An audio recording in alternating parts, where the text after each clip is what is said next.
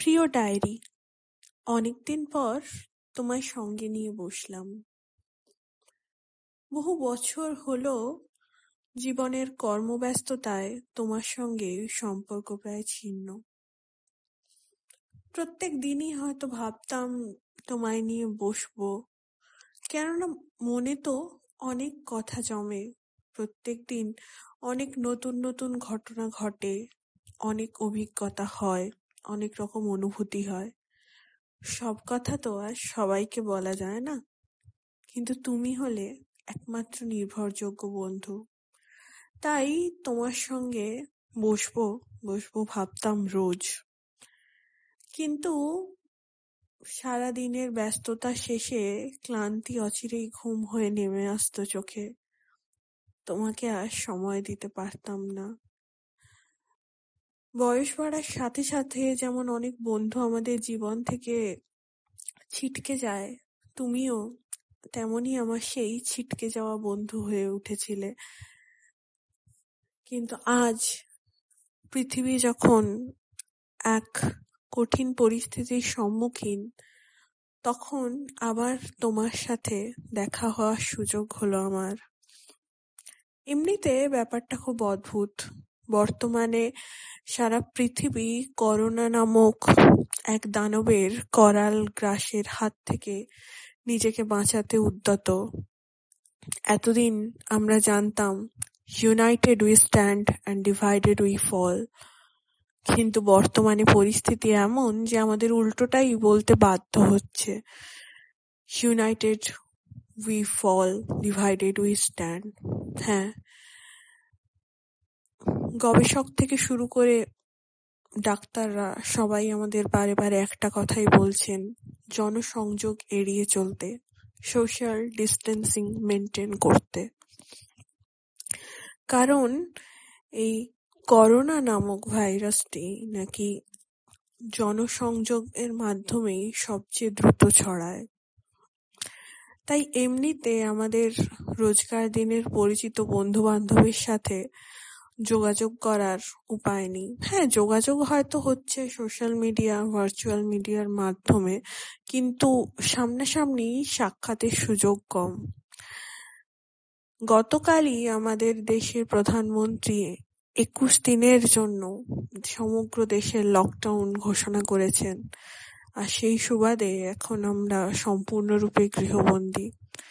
যেহেতু বাইরের মানুষের সাথে সাক্ষাতের সুযোগ প্রায় নেই নিয়মিত বাড়ির বাইরে দেখতে পাচ্ছি পুলিশের টহলদারি, তাই আশ্চর্যজনকভাবে এই গৃহবন্দী দশাতে যখন অন্য সবার সাথে সংযোগ বিচ্ছিন্ন, তখন তোমাকে আবার আমার কাছে আনার সুযোগ করে দিল এই পরিস্থিতি।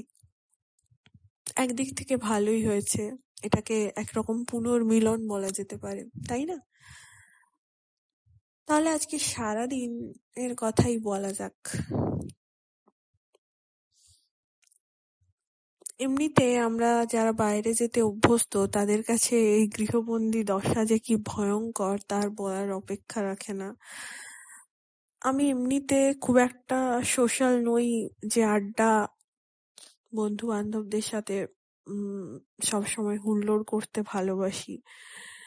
কিন্তু তাও যখন এক, বলা যেতে পারে বাইরে থেকে কোনো ফোর্স এসে বলছে যে, না, তুমি বাইরে বেরোতে পারবে না। তোমাকে গৃহবন্দী থাকতে হবে। তোমার কাছে আড্ডা দেওয়ার সুযোগ নেই, হুল্লোড়ে মাতার সুযোগ নেই। সেই বাধাটাই হয়তো আমাকে এতটা অস্থির করে তুলছে। কেননা নিষিদ্ধ জিনিসের প্রতি মানুষের আকর্ষণ চিরকাল, আর আমিও আর পাঁচটা সাধারণ মানুষের মতোই। তাই সত্যি কথা বলতে কি, সকাল থেকে ভীষণ ভীষণ অস্থির লাগছে। টিভি খুলি কি খবরের কাগজ? চারিদিকে শুধু দেখতে পাচ্ছি মৃত্যুর হাহাকার। কত মানুষ এই ভয়ঙ্কর রোগে আক্রান্ত। আজকের সূর্যটা দেখছি, কালকেরটা আর দেখতে পাবো কিনা জানি না। সবকিছু এক অনিশ্চিতের হাতে ছেড়ে দিতে হয়েছে। জানি বড় বড় ডাক্তার, নার্স তারা নিরলসভাবে পরিশ্রম করে যাচ্ছেন, পরিস্থিতি স্বাভাবিক করার চেষ্টা করছেন। সেই সাথে এই সময় আমাদের দেশের বিভিন্ন রাজনৈতিক ব্যক্তিত্বের পদক্ষেপও সত্যি বলতে প্রশংসনীয়। এই সাথে সাধারণ মানুষকেও সচেতন হতে হবে। সবই তো হচ্ছে, কিন্তু যখনই মনে পড়ছে যে করে চীনে চার মাস হয়ে গেল, পরিস্থিতি আজও নিয়ন্ত্রণে নয়। ইটালি, স্পেন মৃত্যুপুরীতে পরিণত হয়েছে। তখনই শিউরে উঠতে হচ্ছে। একুশ দিন পরেও কি পরিস্থিতি সত্যিই স্বাভাবিক হবে, নাকি আরও ভয়ঙ্করের পথে এগোবে, জানি না। কাজের মাসি আসছে না, তাকে বন্ধ করে দেওয়া হয়েছে জনসংযোগ এড়াতে। সেই কারণে বাড়ির সমস্ত কাজ তো করতেই হচ্ছে। খবরের কাগজও আজ থেকে বন্ধ করে দেওয়া হলো। খবরের কাগজও হাতে পাবো না। টেলিভিশনই বাইরের খবরাখবর জানার জন্য ভরসা। সোশ্যাল মিডিয়ার ওপর খুব একটা ভরসা করতে পারছি না, কারণ বিভিন্ন রকম গুজব ছড়াচ্ছে ওর মাধ্যমে। তার উপর আজকে একটা ঘটনা দেখে খুবই মর্মাহত হলাম। ভাবলাম আমাদের মনুষ্যত্ব কতটা নিচে নেমেছে যে যেখানে মানুষ আগামীকাল বাঁচবে কিনা সন্দেহ, সেখানেও একজন মানুষ অন্যজনের ক্ষতি করতে উদ্যত। শুনলাম করোনা সংক্রান্ত তথ্য জানানোর অজুহাতে বিভিন্ন ফোন নাম্বার আর লিঙ্ক শেয়ার করা হচ্ছে। সেই ফোন নাম্বারে কেউ যদি হোয়াটসঅ্যাপ মেসেজ করে বা সেই লিঙ্কে ক্লিক করে, ভুলবশত। তাহলে সঙ্গে সঙ্গে সেই ব্যক্তির ব্যাংক অ্যাকাউন্ট ফাঁকা হয়ে যাচ্ছে। ভাবা যায়? আমাদের মনুষ্যত্ব কতটা নিচে নেমেছে? মহামারীর কথা এতদিন ইতিহাসের বইয়ের পাতাতেই পড়েছি। কখনো সখনো কারেন্ট অ্যাফেয়ার্স বা জিকে পড়তে গিয়ে জেনেছি, আফ্রিকার কিছু দেশে মহামারী এখনও হতো। কিন্তু কোনোদিনও যে মহামারী কাকে বলে নিজের চোখের সামনে দেখতে হবে। বর্তমানে এত আধুনিক সমাজ, এত উন্নত সমাজেও যে মহামারী ঘটতে পারে, সত্যি এটা কোনোদিনও ভাবিনি। কিন্তু আজকের পরিস্থিতি আমাদের সেই সব কিছু ভাবতে বাধ্য করছে।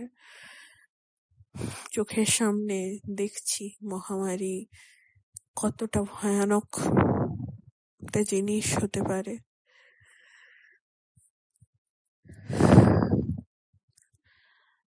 শুনছি যখন পরিস্থিতি যদি স্বাভাবিকও হয়ে যায় আর একুশ দিন পর বা তারও পরে, কিন্তু যেহেতু সমস্ত রকম উৎপাদন বন্ধ হয়ে আছে এখন, দীর্ঘদিন বন্ধ হয়ে থাকবে, তার ফলে চরম অর্থনৈতিক সংকট দেখা দেবে। দেশ একটা ভীষণ সংকটের মুখে পড়বে। এমনিতেই তো দারিদ্র, বেকারত্ব আমাদের দেশে ভয়ঙ্কর আকার ধারণ করেই ছিল। তার জানি না, করোনা পরবর্তী দেশ আমাদের জন্য কি নিয়ে অপেক্ষা করে আছে। যাই হোক, আজ অনেকটা লেখা হয়ে গেল। আজকের মতো শুভরাত্রি। আবার আগামীকাল তোমার সঙ্গে দেখা হবে।